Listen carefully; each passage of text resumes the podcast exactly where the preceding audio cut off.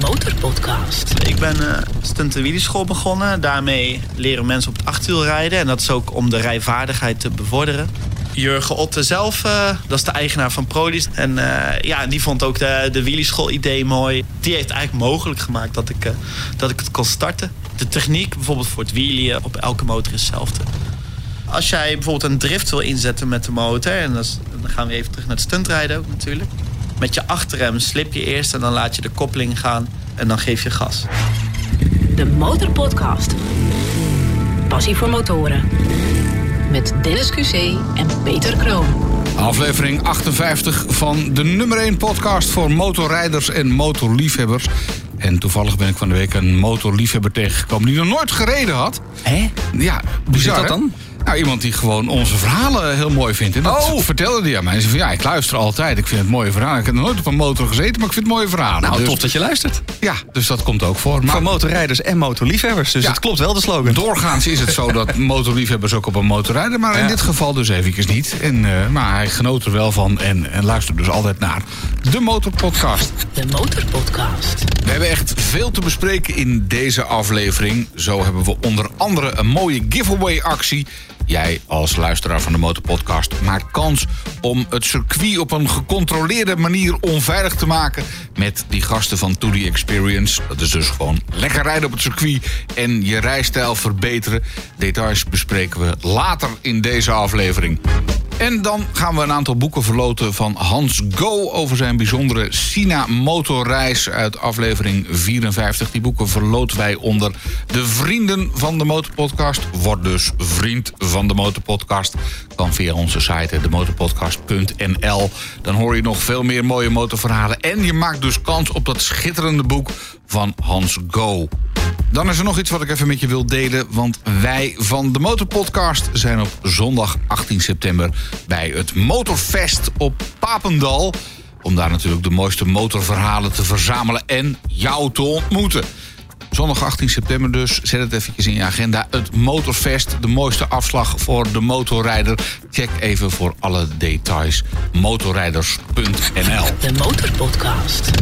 Natuurlijk in deze aflevering van de Motorpodcast ook weer een bijzondere gast. Maar voordat we hem officieel gaan introduceren. Dennis, als de onderwijzer vroeger op de lagere school aan jou vroeg... wat wil jij later worden? Wat was dan jouw antwoord? Volgens mij zei ik toen brandweerman of politieman. Niet DJ toevallig? Nee, niet DJ toevallig. Nee, nee, nee. Nou, eh, mijn beroepskeuze was toen... wanna go, go, go. Ik ben het uiteindelijk niet geworden, waarschijnlijk door een gebrek aan talent. Daarom in deze aflevering van de Motorpodcast een echte motorstuntman te gast. Die onder andere meegewerkt heeft aan de blockbuster Hitman's Bodyguard. Deed wilde dingen met motoren en heeft inmiddels zijn eigen stunt- en wheelieschool met eh, cliënten van over de hele wereld. Ze komen uit Singapore, Australië, Zuid-Afrika. Ze komen echt overal vandaan. Daarnaast heeft hij ook heel veel bekende Nederlanders aangeleerd hoe je een goede wheelie kunt maken. De Motorpodcast. Achter het vizier van... Jeremy Vonk. Jeremy, welkom. Tof dat je er bent. Leuk. Ja. Jij bent een echte stuntman. En ja, eh, voordat we daar uitgebreid over gaan praten, we vragen het aan iedere gast. Waar rij jij op? Op, op, eigenlijk op. Waar rij ik op? Ja. Ja, daar zijn we wel eens benieuwd naar. Wat is een echt goede stuntmotor bijvoorbeeld? Of, of stunt jij normaal gesproken niet zo? Eerder, ja, ik heb verschillende stuntmotoren gehad eigenlijk. Als je wil beginnen met stuntrijden, ja, dan kan je het beste beginnen met een Honda. En dan een CBR 600 van 2002. Oh, Die, want die hebben injectie. En het frame is heel sterk. En ja, motorblok is gewoon bulletproof. Dus die werden vroeg heel gebruikt. En, en eh, budgetair, dat, is dat het meest interessant. Maar is dat ook waar jij nu op rijdt? Gewoon je dagelijkse... Nee, nee. Mijn dagelijkse motor op de weg is een, is een BMW. Eh, dat is ook momenteel heb ik een samenwerking met BMW. Dus op de weg rijd ik een BMW S1000 XR. Dus ja, daar kan ik ook wat spullen meenemen. En ja, voor het circuit heb ik een eh, M1000 RR. Eh, het wisselt. Ik heb een variatie van BMW's voor de, voor de verschillende scholen. Wat ik Leg even het verschil tussen een M1000 en een S1000. De M1000R is echt gemaakt voor op het circuit. Dus die eh, heeft een, ja, hetzelfde motorblok. Maar net wat bestendiger voor tunen. Dus titanium klepveren, andere draaistangen. Eh, dat was eigenlijk het probleem wat ze hadden met de S1000R. Dat op het moment in de IDM of in andere raceklasses... en ze gaan die blokken tunen, dat ze daardoor stuk liepen. Dus standaard zijn ze gewoon heel sterk, dus heel veel vermogen... maar willen ze er extra uithalen, dan was dat het probleem. Dus hebben ze daar de M1000R voor ontwikkeld... samen met ook de winglets. Dus dat zijn die spoilers aan de voorkant... wat ook weer het wheelie tegengaat, waar die... eh, wel wat gevoelig voor is. Maar jij bent toch juist van het wheelie eh, rijden? Ja, helaas mag je niet op circuit. Dennis heeft een disclaimer. hè? Ja, oh, voordat we klachten krijgen, even een disclaimer voor Ja, deze aflevering. Artikel 5 en 6 van de Wegenverkeerswet schrijven voor. Het is in ieder verboden opzettelijk zich zodanig in het verkeer te gedragen dat de verkeersregels in ernstige mate worden geschonden, indien daarvan levensgevaar of gevaar voor zwaar lichamelijk letsel voor een ander te duchten is. Tot zover de disclaimer. Doe wielies niet op de openbare weg, dan kunnen we het nu over de wielies gaan hebben. En zelfs op een parkeerplaats geldt de disclaimer Oké, ook. oké, oké. Wie wilde dan zo graag op één wiel? En waar kan het dan wel? Want je zegt net, het mag niet op het circuit, maar het mag ook niet op de parkeerplaats. Nee, het moet echt een afgesloten terrein zijn. Ook in het verleden heb ik daar problemen mee gehad. eh, met politie op het moment dat je op parkeerplaats aan het wielen bent. Ook is die parkeerplaats helemaal leeg. Maar hij is wel openbaar toegankelijk. Dus iemand kan er te voet zelfs komen. Nou ja, dan kunnen ze nog steeds je rijbewijs innemen. Nou, Dus eigenlijk is er nergens een echt goede wielerplek, tenzij je gewoon een ontzettend groot eigen terrein hebt.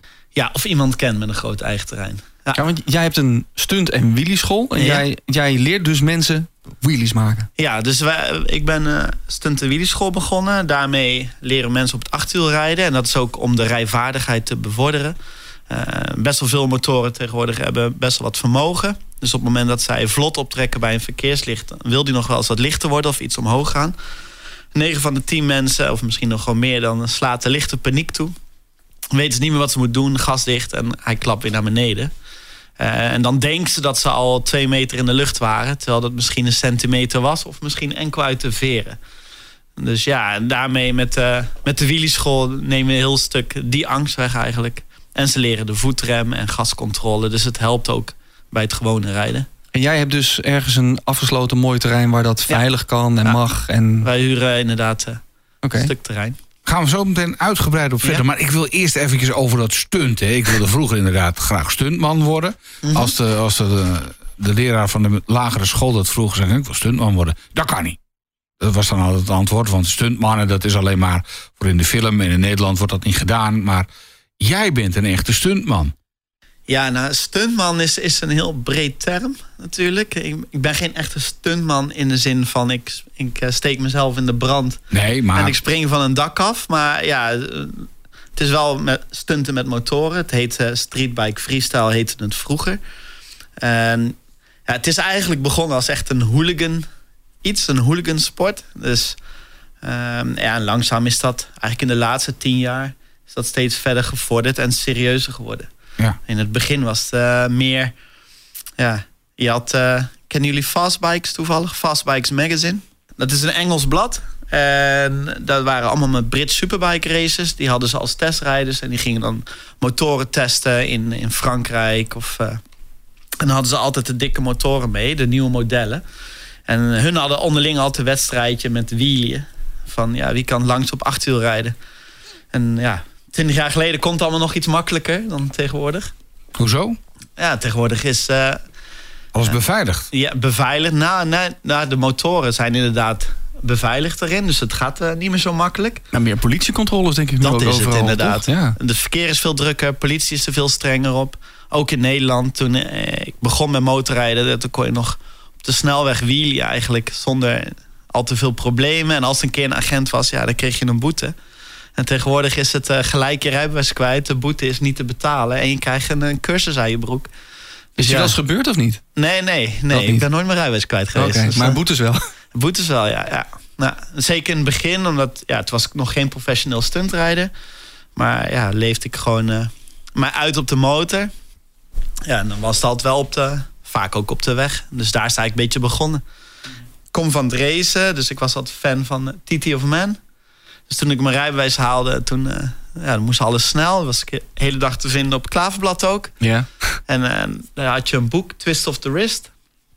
Waarbij ze alle technieken uitleggen Ja. van het racen. Nou ja, dat las ik een stukje en dan ging ik dat toepassen op klaverblad. En zo leerde ik mijzelf Oké. allerlei racetechnieken aan. Niet de veiligste oplossing als ik er nu bij nadenk. Maar ja, Don't try this at home. Nou, er zijn hele mooie klaverbladen in Nederland. ja eh. hoevelaak is echt super mooi inderdaad. En ook die bij Apeldoorn, die is net de verkanting weer anders. Dus ja, als je dan eruit komt, dan verandert de druk, waardoor die achter iets glijdt. En ja, dat is ook weer Mooi om te doen. techniek. Maar eh, dan ben je nog geen officiële stuntman. Je hebt jezelf dat aangeleerd. Ja, en nee, ja, ergens... het is steeds een stapje verder gegaan eigenlijk. Dus ja, bij, voor het racen, ja, iedereen wil natuurlijk eh, met een wheelie over start-finish kunnen. De- En daarbij, ja, ik was fan van fastbikes, een paar rijders daarvan. Eentje was Shane Byrne, ook wel Shaky eh, genoemd. En eh, die, die was eh, de master van het wheelie van hun. En ik dacht, ja, dat wil ik ook. Dus toen ik net mijn rijbewijs had, was ook gewoon het eerste wat ik ging oefenen. Eh, samen met Niedown en de technieken daarvan. Ja, en toen, eh, ja, in drie weken, toen het kon ik goed? al heel lang op het achterwiel. Dat wist ik nog niet van de achterrem. Dus dat heeft me ook een motor gekost voordat ik die ontdekte. Maar, maar ja, het duurde toch drie maanden voordat... Maar dan echt op je balans, Ja. Op je achterwiel. ja, heel veel was in het begin op balans. Omdat ze hadden een heleboel materialen wat we nu hebben. Zoals een handrem en valbeugels. Dat was er allemaal niet. Dat is allemaal gaandeweg. Is dat gekomen dat mensen steeds meer trucjes. En ja, hoe gaan we dat veilig doen? Dus ja, mijn eerste motor ja, was ik nog niet echt bezig met stunten. Maar wel gewoon wheelies maken. En die had ik ook achterover. Was ik daarmee gegaan. Omdat ja, mijn achterrem die zat er nog niet in. Die ontdek je als je te ver gaat en denkt... oké, ja, die had ik iets eerder in moeten trappen. Je zei net, ja, ik ben eigenlijk geen stuntman, maar ik steek mezelf Mhm. niet in de brand en ik doe geen eh, dingen. Ik spring niet van gebouwen af en zo. Maar je bent wel een motorstuntman eigenlijk. Mhm. Nou ja, een beetje film. Daar zit een motorstunt in. Eigenlijk altijd wel, Of, mij. of het nou een Ja. James Bond film is of, of Tom Cruise. Mhm. Ik bedoel, eh, het schijnt trouwens dat hij zelf ook een hoop stunts doet. Ja, dus er zijn gewoon motorstuntmannen nodig. Ja, eh, dat klopt. En eh, voor promotie, dus de, marketingkant in de, in de laatste tien jaar is eh, echt veel meer naar voren gekomen. Dat zie je in je sponsors. Is, eh, maar ja, het is heel belangrijk dat je ook daarbij jezelf goed profileert. De een is echt nog de hooligan kant op, wat eigenlijk vroeger, hoe het is begonnen, eh, is. Dus die doen op straat en dan hebben ze vaak gewoon ja, t-shirt, gewoon een normale spijkerbroek en wat sneakertjes eronder. En je hebt de, de serieuze kant, dus die doen eigenlijk niks meer op straat. Want ja, contractueel mag dat niet. Nee. Je moet altijd volledig je kleding aan. En eh, ja, we, een hebben we hebben natuurlijk al een keertje eh, Didi de motordodo gehad. Die deed het ook, hè? gewoon een t-shirtje aan en een spijkerbroek. En die viel er af en toe ook eens lekker vanaf. Ja. En ze lag ze half open en kwam ze er pas thuis achter van... goh, mijn achterkant eh, is een eraf. beetje, een beetje afgeschuurd. Maar dat is dus de hooligan kant. En jij zit dus aan de kant van het professioneel stunten. Ja, ja, de hooligan kant is wel begonnen. In het begin had je het professionele nog niet. Dus ik ben echt helemaal vanaf het begin dat het stuntrijden, de stuntscene eigenlijk kwam. eh, ja, toen zat ik er al in en dat is eigenlijk zo doorgegroeid. En eh, dus met de markt wat is doorgegroeid, ja, daar ben ik eigenlijk in meegegaan. En op het moment dat de sponsor serieus werd, ja, dan moet je de keus maken. En ik heb de keus gemaakt om, ja, om een voorbeeldfunctie te zijn. En gewoon met je beschermende kleding en je motor netjes en al dat soort dingen. Dus in dit geval, BMW is jouw sponsor. Dus Mhm. BMW belt jou. We hebben eh, over een half jaar daar en daar een, een, een, promo op een beurs. Ja. Wil jij kunnen eh, komen laten zien wat, wat je kunt met een BMW A, B, C of D? Ja, en zo ging het inderdaad wel. Enkel sinds corona eh, doe ik niet meer zozeer de, de stuntshows. Maar je hebt wel promo promotionele dingen. Dus dan heb je echt puur de standaardmotoren waar je wat mee moet doen. Dus je hebt niet meer de volledig aangepaste motors. Dat, daar ben ik zelf mee gestopt sinds eh, eigenlijk de coronatijd. Omdat ja, de events hielden op. En als jij zo'n hele motor klaarmaakt en daarmee traint... Ja, daar zit daar ook gewoon heel veel geld in. En ja, het blijft een kostenplaatje. En in die zin is het het waard. Dus je hebt altijd een weegschaal. Wat wil ik? Wat doe ik met het een? Wat bereik ik met het ander? Een serieuze financiële business dus. Je, je, je moet wel met sponsoring eh, werken. Over de jaren heen ehm, heb ik eigenlijk meerdere sponsors gehad. Dus die moet je elk jaar eigenlijk benaderen. En daarbij heb je een aantal vaste sponsors. En, en één is mijn hoofdsponsor. De merken hebben, zijn eigenlijk veranderd. Dus ik had Ducati en dan eh, KTM en Yamaha. En, eh, en nu inderdaad BMW. En BMW is dan weer met Van Harte samen. Dus Van Harte Motorrad. En, eh, maar in- die hele periode had ik altijd één hoofdsponsor. En in dit geval is dat Prolease. En ja, die maakt mogelijk dat ik altijd onderweg ben. Dus die hebben voor mij eh, de, de camper. eh, een, een deel van de motoren. Want bij sommigen dan kreeg je niet de motoren van het merk. Maar dan krijg je een soort eh, eh, 50-50 deal, zeg maar. En, ja, in dit geval is Jurgen Otte zelf, dat is de eigenaar van Prodies. Dat is ook een, fanatiek motorrijder met een super supermooie Ducati-verzameling ook. Dus eigenlijk daar, daar is ook hetgeen waar ik hem heb ontmoet. Dus tijdens de Ducati-periode met stuntrijden. En eh, ja, die vond ook de, de wielieschool-idee mooi. En eh, ja, zo is dat eigenlijk samen eh, met de hulp van hun is het begonnen. Of die heeft eigenlijk mogelijk gemaakt dat ik, dat ik het kon starten. En ja, ik denk in, in elk bedrijfsleven of in elke sport eigenlijk... heb je geluk als je een dergelijke partner kan vinden. Of tegen kan komen. En eh, ja, dit was eh, een mooie match. En buiten die sponsoren komen de inkomsten van de cursussen. Ja, Wat kost een cursus? De wielieschool eh, cursus is eh 4 uur. En die kost 295 euro. En dan ga je naar huis met gegarandeerd een wheelie. Nee, die kan ik niet garanderen. Dat is helemaal persoonsafhankelijk. Die, die garantie kan je nooit iemand geven, omdat ja, iedereen is anders. Eh elk persoon is de motoriek anders, de zelfbescherming is anders. Sommigen pakken het heel snel op en sommigen helemaal niet. En ja, dat is eigenlijk met alles. Sommigen luisteren heel goed, sommigen luisteren niet. Wil je nog meer horen van onze gasten? Word dan vriend van de Motorpodcast. Kijk op demotorpodcast.nl. Er zijn dus ook bedrijven, productiemaatschappijen die een film aan het maken zijn. Die zeggen van ja, onze hoofdrolspeler moet eigenlijk, weet ik veel, eh, van een gebouw in Rotterdam springen met een motor. Of van het ene gebouw naar het andere gebouw. Dat Mhm. gaat die persoon niet zelf doen. Dan bellen Ja. ze jou. Nou ja, vaak wordt daar iets, eh, bijvoorbeeld de motocrossen voor gebeld.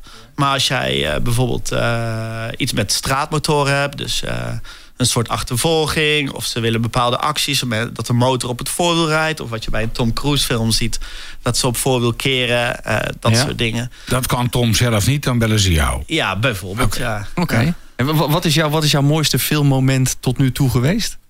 Of gekste of gevaarlijkste? Mijn, mijn gevaarlijkste filmmoment. Vaak is het dan basis, dus dan heb je eh, of een stuk achtervolging. En, eh, dus niet echt hele extreme dingen. Ik denk als jij eh, de Australiër pakt, Robbie Madison, die heeft voor James Bond dingen moeten doen. Dat zijn de serieus, vind ik, gevaarlijke sprongen of achtervolgingen. Want dan is dat vaak zonder helm waar die mee moet springen of zo. En dan, Nee, maar toch. dat vind ik wel serieus. En een achtervolging, ja, dat is, wel- dat is wel grappig. En, maar een heleboel is, eh, ehm, hoe moet ik zeggen? Ja, wat is het gevaarlijkste? Ja, maar jij, jij vindt een eh, gewoon draaien op je voorwiel, vind jij al normaal? Ja, ik doe dat doorgaans niet. Als ik moet, ja. als ik moet Nee. draaien. Ja. Ik weet niet of je met jou zit, Peter, maar... eh, Mm, Nee, dat lukt mij ook niet. Nee, ja, dus, dus het is inderdaad een meetpunt. Wat, wat, waar is het gevaar en wat vind je gevaarlijk? En, eh, Maar ne- neem ons even mee naar zo'n filmset. Hoe gaat dat dan? Ik bedoel, eh, zijn het een aantal motoren bij elkaar? De, de slechterik rijdt uiteraard achteraan. En jij probeert zo hard mogelijk weg te komen. Of je gaat juist achter de slechterik aan. En nou, vaak, cameraman... vaak ben je een van de slechterikken. Dus een, een, een goede rijdt in een auto en jij, eh, en jij moet er achteraan. Want vaak zijn de, de slechterikken zijn, zitten op verschillende motoren. En dan, wij moeten eigenlijk de, de goede dan pakken. Dus dan heb je een achtervolging, dan moet je dingen ontwijken of je moet expres vallen. En dat kan ook. Dus dat je je motor onderuit moet trekken en dan, dan glij je over de grond. Hoe vaak gaat zoiets opnieuw? Dat kan maar één keer, Zo'n scène. zou je zeggen. Ja, dat, eh, ja vaak, vaak hoeft het maar één keer. Dus, maar het kan inderdaad meerdere keren. Met crashes is eh, daar, ja, dat wis- wisselt helemaal op budget en wat voor, of het de Amerikaanse organisatie is. En dan- dan, maakt het niet uit. Dan kan het gewoon vier, vijf keer opnieuw.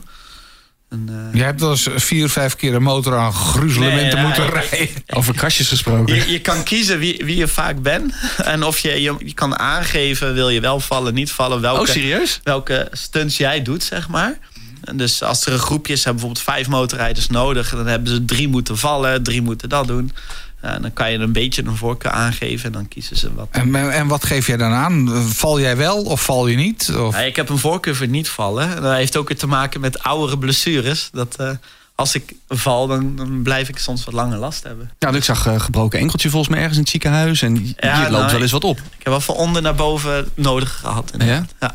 En toch doorgaan. Dat hoort erbij. Dus ja, vroeger zeg je ouders dat ook. Op het moment dat de eerste keer dat je in het ziekenhuis belandt, oh, dan ga je stoppen zeker. Maar nee, het is net als ja, elke atleet, denk ik. Op het moment dat je wat breekt, dan is het ja, hoe snel kan ik weer op de motor zitten? Zie je het ook zo? Is het dan eigenlijk gewoon hetzelfde als een, ja, een topsport? Als een Het is een atleet? topsport, en eh, zeker in het begin. Ik moest, eh, je bent gewoon elke dag aan het trainen. En je doet een heleboel facetten daarnaast ook. Dus behalve het stuntrijden deed ik ook supermotaar trainen met de motocross trainen. En gewoon alles om je... En om, om je conditie op peil te houden, je, je motorconditie. Dus weer anders dan in de sportschool natuurlijk. Daarbij ben je ook heel veel in de sportschool. Maar ook, ja, het is ook de afwisseling wat het leuk maakt. Dus voor mezelf. Ja, ik vind alle, alle motorsporten eigenlijk leuk. Dus En ik wil al die technieken beheersen. Hij heeft zo'n regisseur, eh, of de Mhm. producer van die film, heeft gezegd: van, Nou ja, er rijden Hondaatjes achter die auto aan. Mhm. En jij kent die Honda helemaal niet. Jij bent meer een BMW-rijder. Hoe ga je dan in dat- zo'n geval te werk? Nou, dat, dat maakt niet uit eigenlijk. De techniek bijvoorbeeld voor het wielen of iets op voorwielrijden... Is, eh, ja, de techniek op elke motor is hetzelfde. Dus die moet eh, enkel even voelen hoe de rem aanvoelt. eh, ja, hoe, waar zit het koppel? Hoe voelt het gas aan? En Dan doe je het. ja, dus of een Harley kan ook. Dus ja, ik zag er een buiten staan. Maar Ja, zou je daar, eh, als jij Ja, nu ik, denk, de- ik denk dat die wat lastig is door, door het mooie stuur wat erop zit. Maar als jij bijvoorbeeld wat nu heel populair is, zijn die baggers. Eh, dus met speakertjes Ja, ja. aan de zij. Ja, en, en dat is nu heel populair in Amerika en in Frankrijk. om daar stunts mee te doen, Ja, om te daarmee te rijden? wielen en Oh, te stunten. serieus? Ja, ja. Ja, ik heb ook een filmpje gezien dat ze met zo'n ding... Het lijkt me helemaal ingewikkeld, maar goed, dan Nou, moet... hij- eh, eigenlijk is die niet, want hij, hij is, het vermogen komt heel lineair erin. Dus qua gas is hij super goed te doseren. Heeft een lange wielbasis, best wel stabiel. Dus is goed om met... Ja, eh, Heb je nog een afgesloten terrein? Eh, Stuur een DM'tje. Peter wil het graag even proberen op de Harley. ja, Nou, ik, ja, eh, maar ik vind, even een Harley is, ik vind het best wel fijn om mee te wielen. En het is puur voor de veiligheid. Dus zodat je weet als je Ja, bij stoplicht... zo, zo, eh, zo, ja. voor de Ja, veiligheid. Als ik dan eh, op zijn achterwiel eh, door, door de binnenstad heen ga, dan, dan ga ik veilig. Dat is zo. Maar dat is nou- met de BMW's, hè? want als jij bijvoorbeeld... Ik heb zelf een S1000 XR, daarvoor had ik een, een GS Adventure. En eh, een, een GS Adventure is veel groter en zwaarder dan de XR. Maar die is tien keer makkelijker op achtwiel te rijden dan weer. Is dat nou jouw meest memorabele motormoment? Langdurig op een GS op één wiel rijden? Of, eh, ja, we vragen het aan iedere gast. Hè. Wat is je meest memorabele motormoment? Wat is dat voor jou? Ik denk mijn eerste grote evenement, wat, wat echt gewoon was Monster Jam Tour. Ik weet niet of je dat Oh, kent. ja, in Ahoy of in ja, dat, Gelredome. dat gaat van die- dus door heel Europa. Ja. Ze hebben eigenlijk een tour in Amerika en dan komen ze tour in Europa. En in 2007 was dat eigenlijk mijn eerste mega grote evenement. Waarbij ik in de hele tour mee moest. Ja, dat, dat was voor mij echt, echt bizar. Omdat je, je wordt dan overal heen gehaald, in een hotel gezet. Nou, dan eh, moet je daar de shows doen. En toen was het uh, Bercy-stadion in Frankrijk. En ik, ik weet niet, dat is een soort piramide. Ja. En er kan, eh, ja, net als Gelredome, er kan 30.000 man in. Maar toen moest ik in het begin eh, eerst alleen de arena in. En sowieso was het daar heel moeilijk, want je had geen asfalt. dus we moesten op zand, platgestampt zand, moesten we een stuntshow doen. Moesten we rijden met motoren. Dus, eh, dus dat was al een hele uitdaging. Maar toen kwam ik daar de arena in. En ja, sowieso Frans publiek is altijd heel enthousiast. En net als Italiaans en Spaans. En eh daar reed ik met een originele uitlaat eh, de stadion in. En dan deed ik zo, bam, gelijk volgende begrenzen. En die Fransen al helemaal, hey! Toen denk ik, nee, is helemaal niks, helemaal niks. En ik trok heel de uitlaat eraf. En dan gewoon vol, dus enkel de voorbochten, volgende begrenzen. Ja, en toen gingen ze al helemaal uit de plaat. En toen was de show al gemaakt. Ja, en toen reed ik samen met nog een Franse stunter die ik dan weer had uitgenodigd. eh reden we daar gewoon op het zand, op het achterwiel. Eh, in die arena tussen de rems. En toen kwamen ook al die, die FMX-lui. Maar gewoon daar al die steden af. En hoe, hoe je dat allemaal meemaakt, hoe die FMX-lui zijn. Ja, dat was wel echt wel bizar. En in zo'n stadion is natuurlijk überhaupt een mooie ervaring. Ja, en die monster trucks ook. Ja. Het is, eh, je, hebt daar, je hebt daar de eerste gelijk die handtekeningen sessies. Dus dan heb je smiddags al zo'n pitwalk waar alle mensen langs kunnen komen. Dus daar vragen alle mensen al je handtekening en, en voor de posters. En dan heb je na de evenement heb je altijd een 3,5 uur durend eh handtekeningen sessie. Er zitten met alle, alle Serieus? rijders in een, in een eh, ja, tafel, in een bankje. En dan, eh, ja, dus achter elkaar tekenen, tekenen, tekenen. En eh, ja, dat is wel grappig. En dan moet je weer een telefoon en dan weer een borst en dan weer dat. En, Lachen. ja, ja, dus dat, dat was wel, ja, dat was voor mij de eerste echte grote, grote tour. Ja, dus dat was wel heel. eh, Bestaan dat soort dingen nog? ja, Monster Jam is nog steeds, ja. Alleen ze doen nou geen, geen streetbike freestyle, zo noemen ze dat. Dus stuntrijden met motoren. Dat doen ze nu niet meer erbij. Nu is het echt FMX. Dus de, de, de motoren die salts maken, zeg maar. Ja. De crossmotoren. En, en de monster truck zelfs. Dus ja, en ja, daarna kwam de MotoGP en World Superbike Tour. Ja, dat was ook bizar. Want MotoGP eerst was toen in Assen. En dan heb je ook daar. Dan mag je gewoon in de... Ja, waar ze alle interviews doen voor de MotoGP-coureurs. Werd je ook neergezet. Werd je Ja. ook geïnterviewd. En ja, dan ging dat door. Dan zit je daar met MotoGP. En dan diezelfde vrouw die ook in het Ducati-filmpje zit. Dat was mijn duo-stunster. Dus die ging ook allemaal mee met eh, evenementen. Maar ja, dat was ook al heel apart. En, en Ducati, toen ik voor Ducati reed, je Ducati Week. Ja, ja dat was, helemaal, was ook... Ja, ook een bizarre, want dan zit je met Casey Stone en een, een ijssalon. En dan kennen ze je gewoon al. En dan hangt je poster daar aan de muur. Serieus? Ja, en dan eh, een week later sta je daar in de krant en dan word je genoemd met eh, Casey Stoner, Jeremy Funk, was bij ons ijsje eten. heel Lachen, apart, ja. lachen. Echt een soort superhero. Ja, eh, dus dat is, dat is wel heel, heel apart. En dan in Nederland ben je gewoon weer in Nederland. En ja, waar ik ook heel veel geweest ben is in Rusland. Van 2013 tot 2019, zoiets. Dan ja, had ik echt heel veel evenementen in Rusland. En wat zijn Russische evenementen dan anders dan onze evenementen? Ja, auto- en motorsport is daar echt bizar groot. Ja? Ja, en daar, daar word je gewoon erheen gebracht en behandeld als een rockster. Dus ik heb daar evenement gehad en daar werd, werd ik erheen gehaald. Moest ik alleen maar jureren. Maar kom je eraan, word je opgehaald, bij het hotel afgezet. Super luxe hotel. Echt, eh, tv kwam uit bed, jacuzzi. En dan, ja, je huurauto staat op parkeerplaats. En dan is dat zo'n Ferrari FF. Oh, serieus? Dus dan, ja, dan ga je s'avonds en dan... Ja, nee, kom mee. En dan heb je in Moskou heb je de university. eh, de universiteit daar, heel bekend. En daar verzamelen ze s'avonds allemaal al, al een beetje de, de rijken. Dus alle snelle auto's. En dan om twee uur s'nachts ga je gewoon vol door Moskou knallen. En dat, dat maakt niet uit. De boetes, dat is allemaal niks. En, eh, ja. Wat lachen, joh. Dus ja, daar heb ik denk ik... Denk, mijn mooiste tijd qua, qua vrijheid, zeg maar... Is, is denk ik alles in Rusland wel. Dus dat is daarna ook wel een van mijn favoriete landen geworden.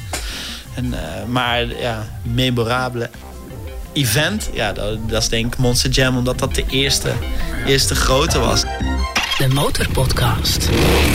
Gratis in je favoriete podcast-app. Ik wil het nog heel even hebben over die films. Want dat boeit me echt mateloos. Weet je, dat, dat je zo'n slechterik bent. Je ziet, Ja. er, helemaal, je ziet er trouwens helemaal niet uit als een slechterik. Nee, ja, dat zie je niet. Helm op. Hij kan ook James Bond spelen, als hij vermoedt. Nee. Maar op een gegeven moment zit er zo'n valscène in. Nou, nou vallen de, deed je dan weer liever niet. Maar als er bijvoorbeeld iets... iets ja, James Bond is altijd eh, door allerlei Italiaanse dorpjes... of tenminste Italiaans-achtige dorpjes... en er zo hard mogelijk daartussendoor rossen. Hè, ook eh, het marktkraampje. Ik heb altijd te, te doen met de sinaasappelverkoper... die zijn kraampje aan stukken gereden wordt door een motor.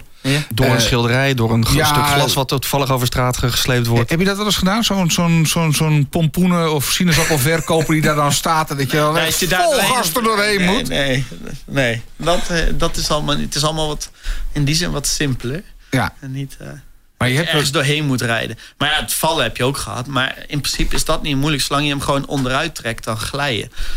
Ja, Maar het is wel tegen natuurlijk. Ik bedoel, iedereen houdt hem het liefst rechtop. Ja, maar En- een hele, heleboel is tegen ja, natuurlijk, dat is je werk. Dus als je op je voorwiel rijdt, is het ook tegen, tegen natuurlijk. Ja. En eh, ik zie al, als jij bijvoorbeeld een drift wil inzetten met de motor... en dat is, dan gaan we even terug naar het stuntrijden ook natuurlijk.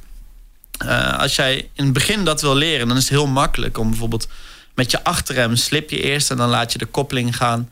Eh, als jij net dat kantelpunt hebt en dan geef je gas. Dus alsof je net als met je auto, als jij eh, bij je stoplicht staat, je hebt vol gas, je laat de koppeling schieten, dan spinnen je wielen. Mhm. Nou, eigenlijk hetzelfde doe je met de motor. Maar in dit geval, als jij wil driften, doe, zet je zo je drift in. Dus je blokkeert even je achterwiel en zodra die omgang komt, dan doe je vol gas en je koppeling laat schieten. Dan onder lean, dan gaat hij driften. Dus ja, eigenlijk, daar trek je hem ook heel vaak mee onderuit. Zeker als je, als je dat begint eh, te leren. Dus eh, in die zin, ja, met de achterrem, als je hem maar vasthoudt, dan ligt hij. Dat, dat, dat dat is de manier En dan om... laat je hem los. Ja, ja, om goed Pas te als, die- als je eerder, ja, dan hijstaat je. dan word je niet zo blij.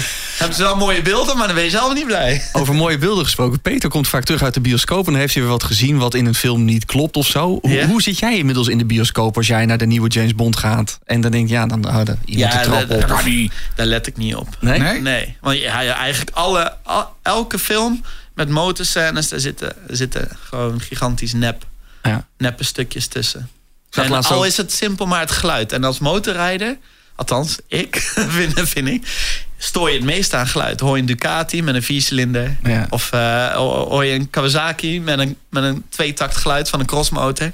Ja, of slippende En, en, banden als- op en alsof die 20 versnellingen heeft, want het gaat de hele tijd door. slippende banden op een grindpad. Vind ik Ja, ook ja, net zo ook mooi. nog, Of op een ja. zandpad. Ja, Hoor je ook niet. Oh nee, zo, zo stak ik dan weer niet in. Ik had op een gegeven moment wel eh, bij de laatste Bondfilm... daar eh, een slechterik valt met de motor. Die ligt dan op zijn kant. Motor blijft draaien. ja. Terwijl natuurlijk, in iedere motor zit een kantelsensor. Dan stopt hij. En James Bond komt aangelopen, die pakt die motor op en die rijdt net zo makkelijk weer weg. Denk van, dat kan niet.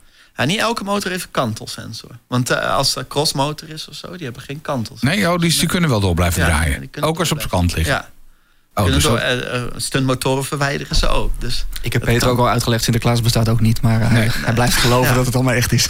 Nee, nou, en dan, dan nog één ding. De, de, de, de zonnebril van Tom Cruise. Die blijft altijd goed zitten. Terwijl hij de gekste dingen doet op dat ding. Ja. Als ik zo'n dun zonnebrilletje opzet. Nou, hij waait al weg bij, bij 60 km per uur. Geen idee, ik heb dat nooit geprobeerd. Dus Met ik kan een nietje niet in zijn voorhoofd. Tang, zo niet. eh, Ja, sommige, sommige zonnebrillen blijven goed zitten. Dat weet ik wel. Je moet een betere zonnebril kopen, hoor ik net. De Motorpodcast. Vraag van een luisteraar eh, trouwens, eh, eh, Jeremy, is... Mark wil graag weten, hoe lang heb jij er nou over gedaan om dat balanspunt te vinden? Ja, dat Weet was- je dat nog? Ja, dat weet ik. Dat was mijn eerste wheelie op mijn R6, dus dat weet ik heel goed. Maar dagen, weken? Nee, dat was gewoon de eerste poging. Serieus? Dus, ja, en dat was... eh, ehm, ja, ik wheeliede wel op een scootertje toen ik 16 was. Maar iemand had me uitgelegd hoe ik hem omhoog moest koppelen. Ik, ik doe nooit wheelies op het gas, al, alles met koppeling.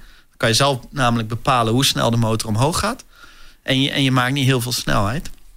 En dus, eh, maar ja, dus dan ben je aan het zoeken naar, de, naar het toerental. Steeds een beetje. Ja, en toen was het op een gegeven moment, kom je hoog genoeg. Ja, ik was gelijk op balans. Dus eigenlijk mijn eerste echte wheelie was gelijk 2,5 kilometer. Oké, en je tip is dus op de koppel. Op de koppeling. Nou ja, mijn tip is altijd voet bij de achterrem. Ja, Dat is- dat dingen. belangrijkste. Niet op het gas. Niet Ja. op het gas, oké. Nou, als ik een heleboel dingen wat ik nu weet.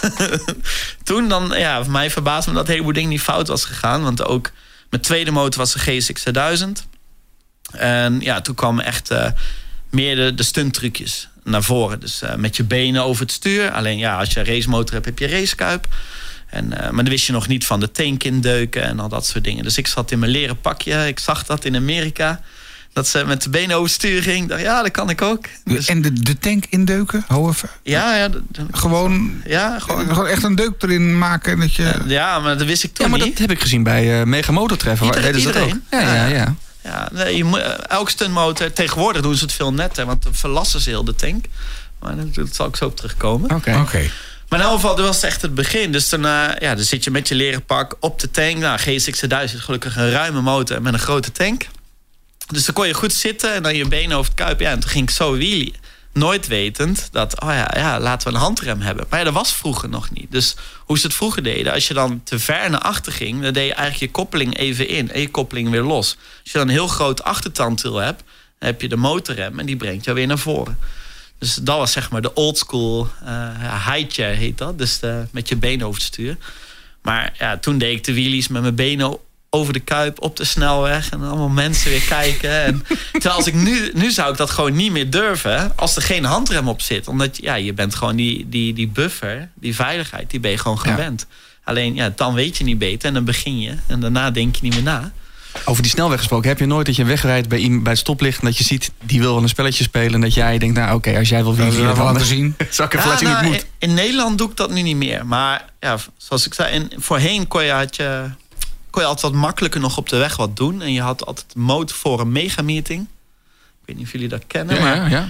ja, vroeger was ik er ook altijd bij. En eh, toen ik net aan het stuntrijden was, was ik, was ik er ook mee. En toen was er op een gegeven moment een meeting van Amersfoort naar Amsterdam. En toen hebben we de hele weg op achterwiel gereden. Oké, dat is een goed stukje. En dat was gefilmd en dat kwam daarna bij Undercover in Nederland en bij Hart van Nederland. En toen dacht oh nee, ik krijg iets thuis. Maar gelukkig nooit, nooit gebeurd. Nee. Oké. Inmiddels is het verjaard, dus... En je hebt nu je eigen school, dus je moet je een beetje gedragen op de openbare ja, nou maar in Nederland is gewoon het risico nu zo hoog. Dat, eh, dan kan je veel beter naar Duitsland gaan. In Duitsland mag je gewoon wheelie op de weg. Enige is dat Oh ja? eh, Oh, ze kunnen je een boete geven voor geen controle over de voorrem. Dus als ze vinden dat je het niet goed doet.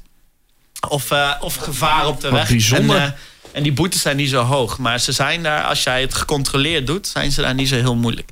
Mits het op een, bijvoorbeeld een, een veilige weg is. Als je het midden in de stad doet, ja, dan doen ze wel moeilijk. Maar alsnog, dan is de boete 68 euro. Dus er valt iets mee. Dus daarom zie je heel veel op internet filmpjes met supermotaars die eh, daar allemaal aan het wielen zijn.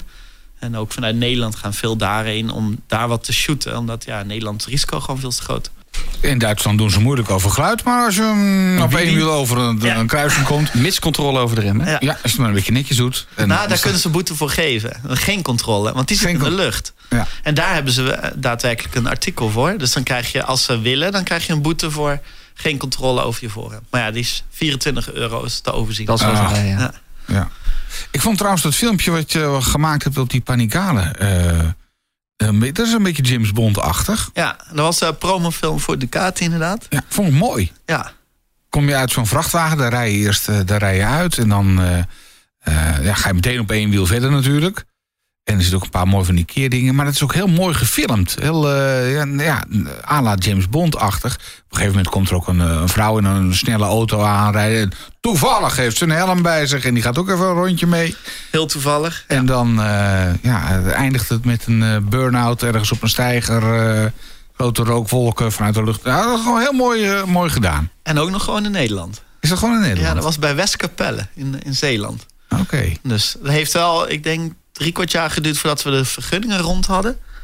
Omdat, ja, je hebt de reddingsbrigade wat er zit, eh, de gemeente. Nou, er zit blijkbaar heel veel werk in. Ja. Iedereen moet goedkeuring geven. Maar ja, dat was wel, ja, ik denk van mijzelf, denk ik, het mooiste filmpje wat, eh, wat ik heb. Maar ook de grootste productie. Want er was, ja, volgens mij, Ben je wel even mee bezig. ja, iets van 22 man was er. Dus allemaal allemaal van mediateam dan. Dus Ja. dat was wel en Ducati met de Het zag vrachtwagen. er prachtig uit, ja. We zullen het filmpje even delen op de socials. Als je ons nog niet volgt, de Motorpodcast op Instagram en op Facebook natuurlijk. De Motorpodcast. Nou ben jij ook rijinstructeur. Nou, het is eigenlijk zo. eh, ehm, ja, toen ik jong was, toen ben je aan het kijken wat wil je worden. Ik kwam toen uit het leger. En toen dacht ik, ja, ik wil iets met motoren doen. Want ik was, toen had ik mijn R6 en ik, ik vond motorrijden leuk. Dus toen dacht ik, ja, ik wil motorrijinstructeur worden.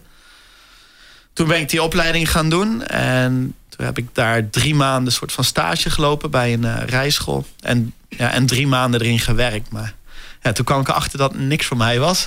Want het is toch juist leuk om mensen dingen aan te Ja, maar ik was toen, ik was toen vrij jong. Ik denk 1, 1 22.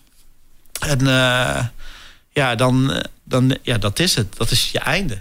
Het einde Ja. van je pad. En dan, ja. Want nu geef je ook weer les Ja, ja, dat klopt. in bochtentrainingen en dat Ja. soort dingen. Dus het, het zit er nog wel in. Ja, ja, het overbrengen vind ik leuk. Dus ik vind het leuk om mensen uit te leggen en dingen te leren. Dus ik, daar, is, ja, er zijn nu meerdere dingen in ontstaan. Als ik nou, als ik bij jou denk van ik ga met mijn eh, CBR 600 RR eens een keer een, eh, een, een cursusje doen. Hoe, Mhm. hoe gaat dat in zijn werk bij de stunt en wheelie school die je hebt? Uh, dan kom je heel mooi aan bij de school. Maar dan mag je je motor mooi parkeren. Oké, Ja, want we maken gewoon gebruik van onze eigen motoren. en dat zijn? Dat zijn BMW F900R's. Dus wij elk jaar krijgen we van, eh, vanuit Van Harte eh, een tweetal BMW-motoren Ja. die wij gebruiken voor de school.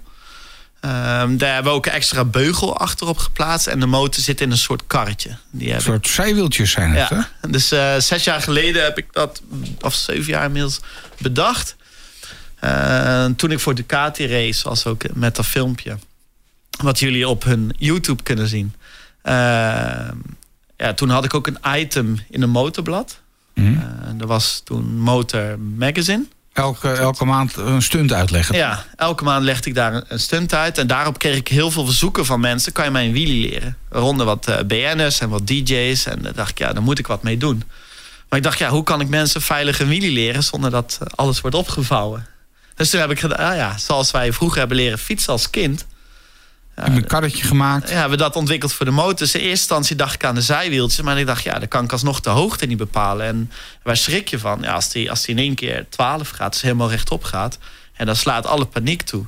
Dus daar hebben we nog een extra wieltje erachter. Zodat we een bakje hebben en dan een rubberen plaat. En dan kunnen we zelf daarmee de hoogte bepalen.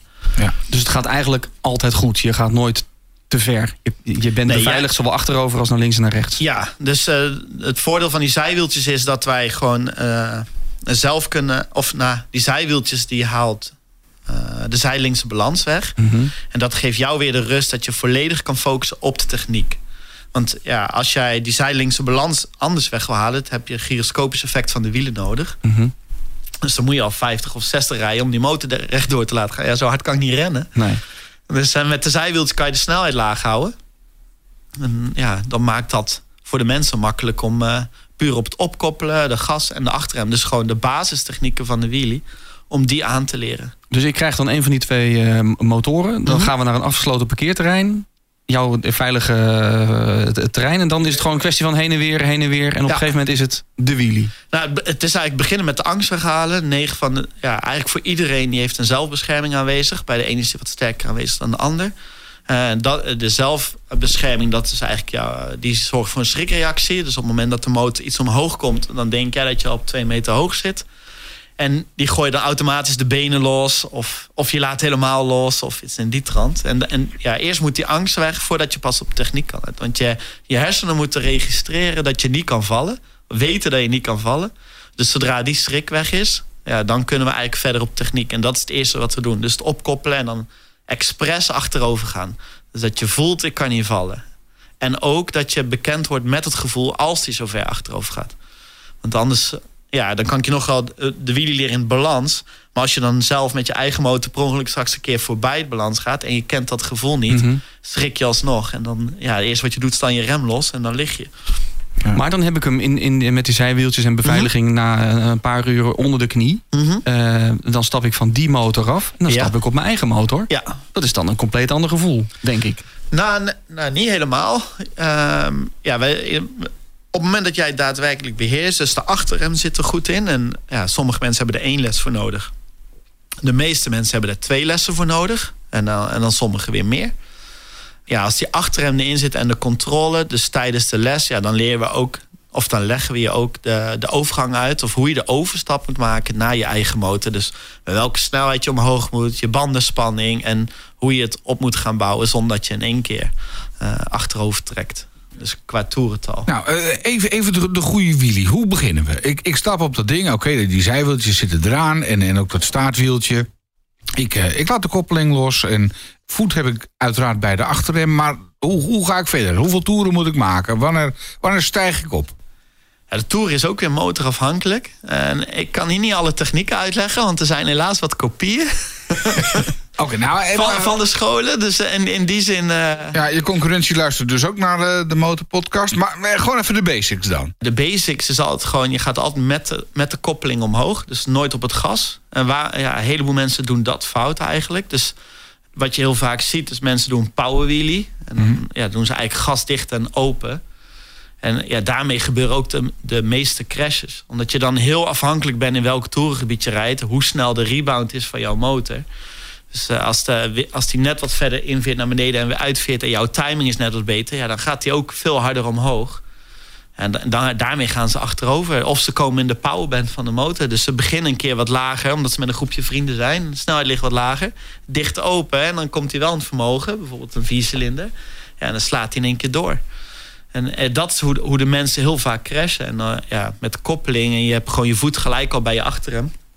Als je omhoog gaat, dat als je hard opkoppelt, dat je die automatisch intrapt.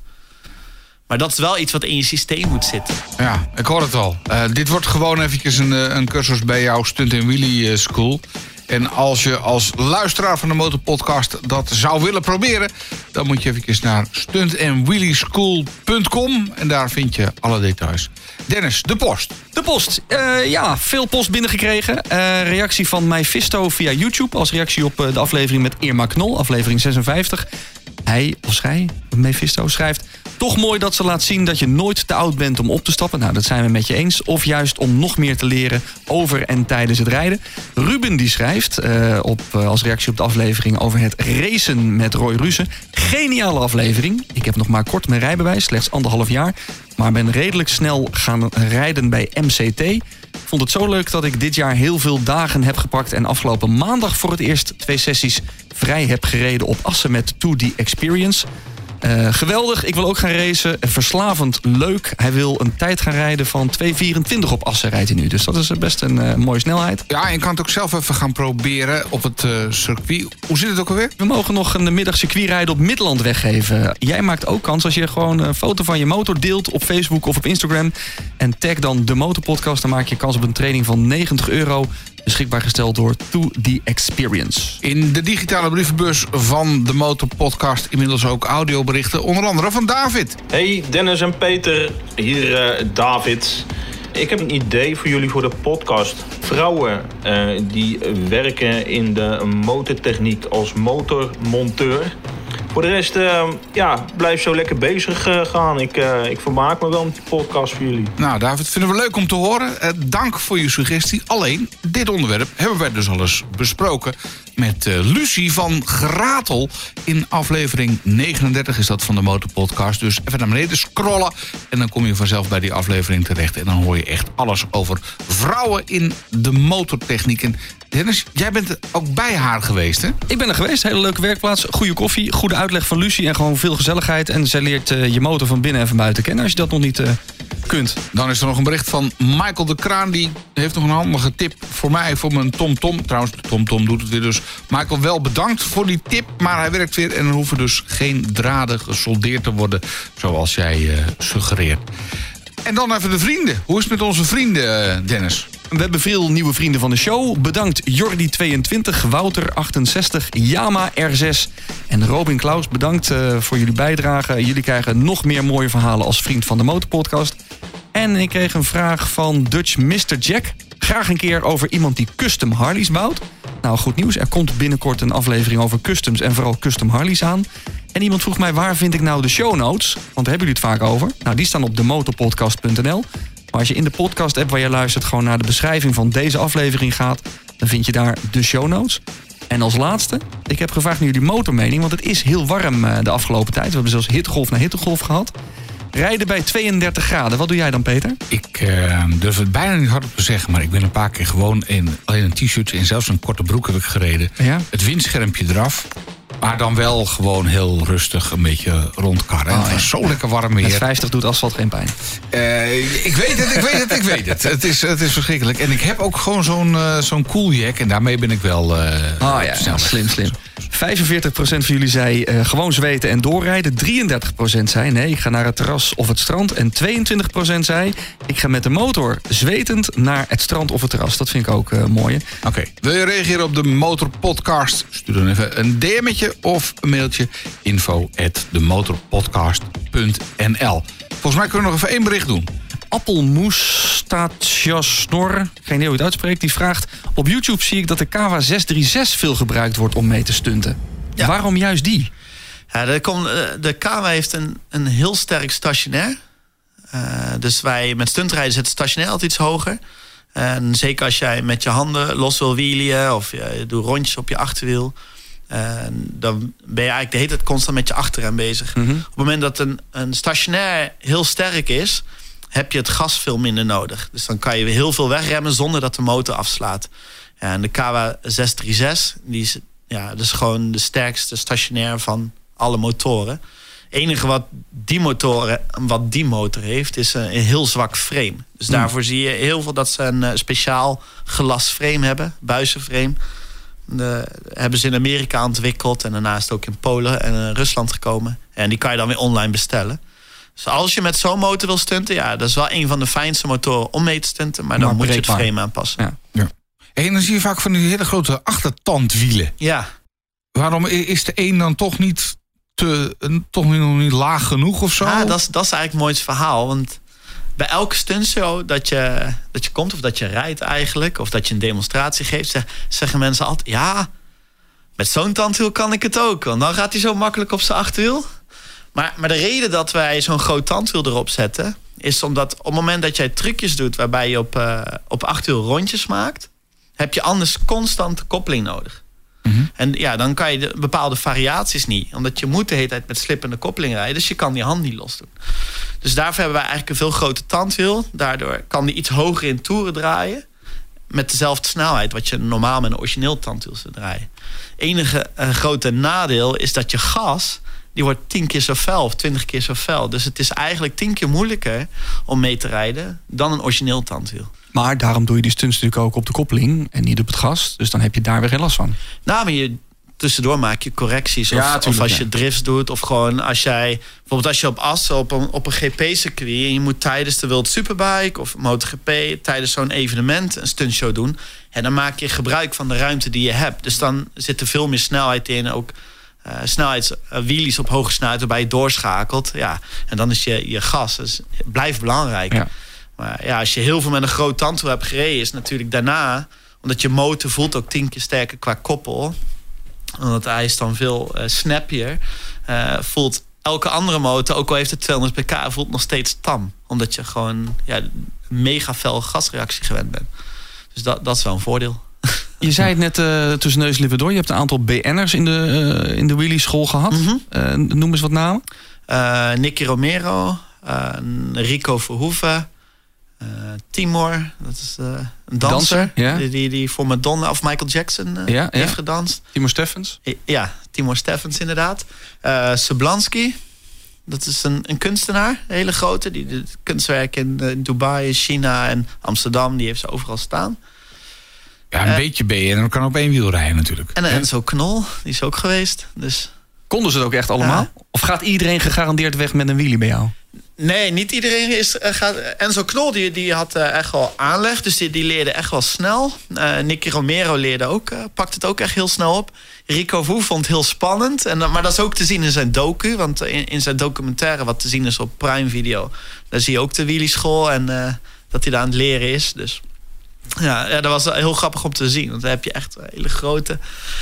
Brede kerel, zeg maar. De, van, En eh, toch een beetje bang. kickboksen. En, Ja. en, en dan zie je gewoon de schrik in zijn ogen zitten. En eh, ja, gewoon van, oh, dat is toch wel Ja, spannend. totaal ander. eh, Ja, het is niet te vergelijken nee, natuurlijk. nee. Dus, Ook- maar dat is gewoon, ja, het is wel apart.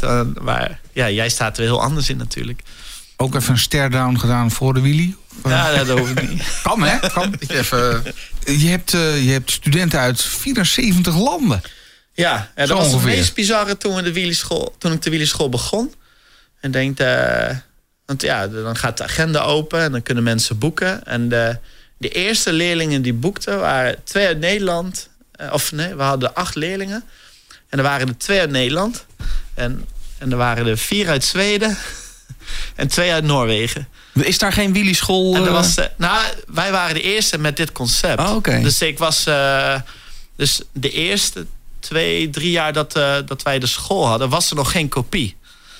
Dus ja, dan, dus ze kwamen vanuit heel de wereld. En daarna heb je de naam. En dan ging het eigenlijk door. Tot corona was 70% van de leerlingen altijd uit het buitenland. En van het meest bizarre toe. Van Amerika, die komen 's ochtends invliegen. Doen de hele dag, boeken dan twee lessen, doen de hele dag een les. En vliegen daarna weer naar huis. We hebben uit eh, Singapore, die gewoon voor één les kwam. Dat, vind ik, Wow. dat blijft de meest bizarre, want die was van Singapore naar Berlijn gevlogen. Van Berlijn naar Düsseldorf, daar een auto gehuurd. Toen naar de, de schoollocatie. Alleen 's ochtends een les gedaan en weer terug. En Serieus? niet, niet Amsterdam bekijken. Of, want dat doen de meesten eigenlijk. Die combineren het dan met eh, iets in Amsterdam. Of, eh, ja. Maar in principe kan iedereen met een motorrijbewijs de keer bij jou komen proberen. Al dan niet gecombineerd met een andere activiteit ergens in het land. En als je er meer informatie over wil hebben, dan moet je eventjes naar je website stuntenwheelieschool.com. Stuntenwheelieschool.com. Wil je nog meer horen van onze gasten? Word dan vriend van de Motorpodcast. Kijk op demotorpodcast.nl. We zijn er bijna doorheen. We moeten nog een paar dingetjes doen. En we gaan zo nog even nabrander met jou doen. Want we hebben nog veel meer te bespreken. Ja, Dus, tijd te snel te gaan, denk ik. dus, eh, speciaal voor vrienden. Hè, vrienden van de show. Die krijgen de nabrander te horen. Over vrienden van de show, er liggen hier allemaal loodjes. Jij mag willekeurig één loodje trekken en dan maak je een vriend van de show blij met het boek van Hans Go. Pick one zou ik zeggen. Ja? Er liggen er genoeg. Dus eh, Gaan we er eentje kiezen. Oké. En we hebben gekozen Alice. Alice. Alice, jij krijgt van ons een van de boeken van Hans Go, Wees Bamboe. Eh, nog een huishoudelijke mededeling is dat wij zondag 18 september op de eerste editie van Motorfest eh, staan. Ja. Dat is een eh, nieuw evenement van de KNMV met alles wat je als motorrijder zou moeten interesseren. Ze noemen het zelf de gezelligste afslag van Nederland. En het leuke is, wij zijn er ook. Je kan er gloednieuwe motoren zien. Er is een motormarkt, er zijn acts, optredens. En wij zijn er van de Motorpodcast om eh, opnames te maken. Dus als je ons wil ontmoeten en vooral je passie wil delen... ga naar motorfest.nl, koop een ticket en dan zien we je zondag 18 september. In Papendal. In Papendal, ja, op Papendal. Wat we ook nog even met jou moeten doen, is de 100.000 euro eh, vraag. De Motorpodcast. 100.000 euro voor je motorliefde. Wat ga jij ermee doen? Stel, je krijgt het nu. Stel. Wat koop je? Wat koop ik? Eh, ik- ik zou ehm, budget gebruiken voor een jaar in de IDM te rijden. Oh, Dan- waarom dat? dat is iets wat ik graag wil. Ja? En dat, dat budget heb je nodig. Ja? Gaat Ja. het zo eh, snel qua budget? Nou, het ligt eraan welke klasse. Ik denk als je in de superbike klasse, ja, dan, dan, kom je, dan red je het bij lange na niet. Dus eh, dan zijn ze aan twee motorblokken al kwijt. Mhm. Dus, maar in de, in de superstokklasse, ja, dan zou je met 100.000 euro zou je een jaar kunnen rijden. Dat is iets anders dan wheelies en, eh, en, en stunten. Dat is Ja, echt gas en... Iets wat ik graag zou willen. Oké, En, eh, nou, Nou, leuk. eh, duidelijk. Ja. Eh, twee nieuwe motorblokken. nou, even vooruit. Hè. Zit je nou thuis en denk je van ja, ik wil ook wel een keer los op het circuit. We mogen nog een middag circuitrijden op Midland weggeven. Meer daarover hoor je in aflevering 57. Jij maakt ook kans als je gewoon een foto van je motor deelt op Facebook of op Instagram. En tag dan de Motorpodcast. Dan maak je kans op een training van 90 euro. Beschikbaar gesteld door To The Experience. Jeremy, je blijft nog even hangen voor een nabrander. Speciaal voor vrienden van de Motorpodcast. En je wordt vriend van de Motorpodcast via onze site. Demotorpodcast.nl hoor je nog veel meer mooie motorverhalen. Bovendien maak je net als Alice kans op dat eh, schitterende boek van Hans Go... over zijn bijzondere motorreis naar China. Uit aflevering 54 is dat. En eh, Jeremy, omdat jij bij ons te gast bent in de Motorpodcast... krijg jij van handerschoonmaker.nl die fantastische vizierreiniger. Alsjeblieft. Ideaal setje. Ja, Houdt ook je echt je vizier droog als je daarna weer in de regen rijdt. Ben ik inmiddels achter. Dus eh, Hij houdt hem droog. Ja, ik bedoel, het, het eraf, water loopt er echt goed vanaf, Ja, ja. dat bedoel ik. Dat bedoel ik, ja. Met dank aan handigschoonmaken.nl. Check de website demotorpodcast.nl voor alle show notes van deze aflevering. En abonneer je, want dan krijg je automatisch een seintje bij de volgende aflevering. En daarin praten we met Richard van Magic Motorcycles over het maken van hele bijzondere custom bikes. Hij heeft een heleboel mooie verhalen, want wat heeft nou het detective werk te maken met een Harley en wat heeft een sekspop te maken met custom bikes? Dat en meer in de volgende aflevering van De Motorpodcast. De Motorpodcast. Gratis in je favoriete podcast app.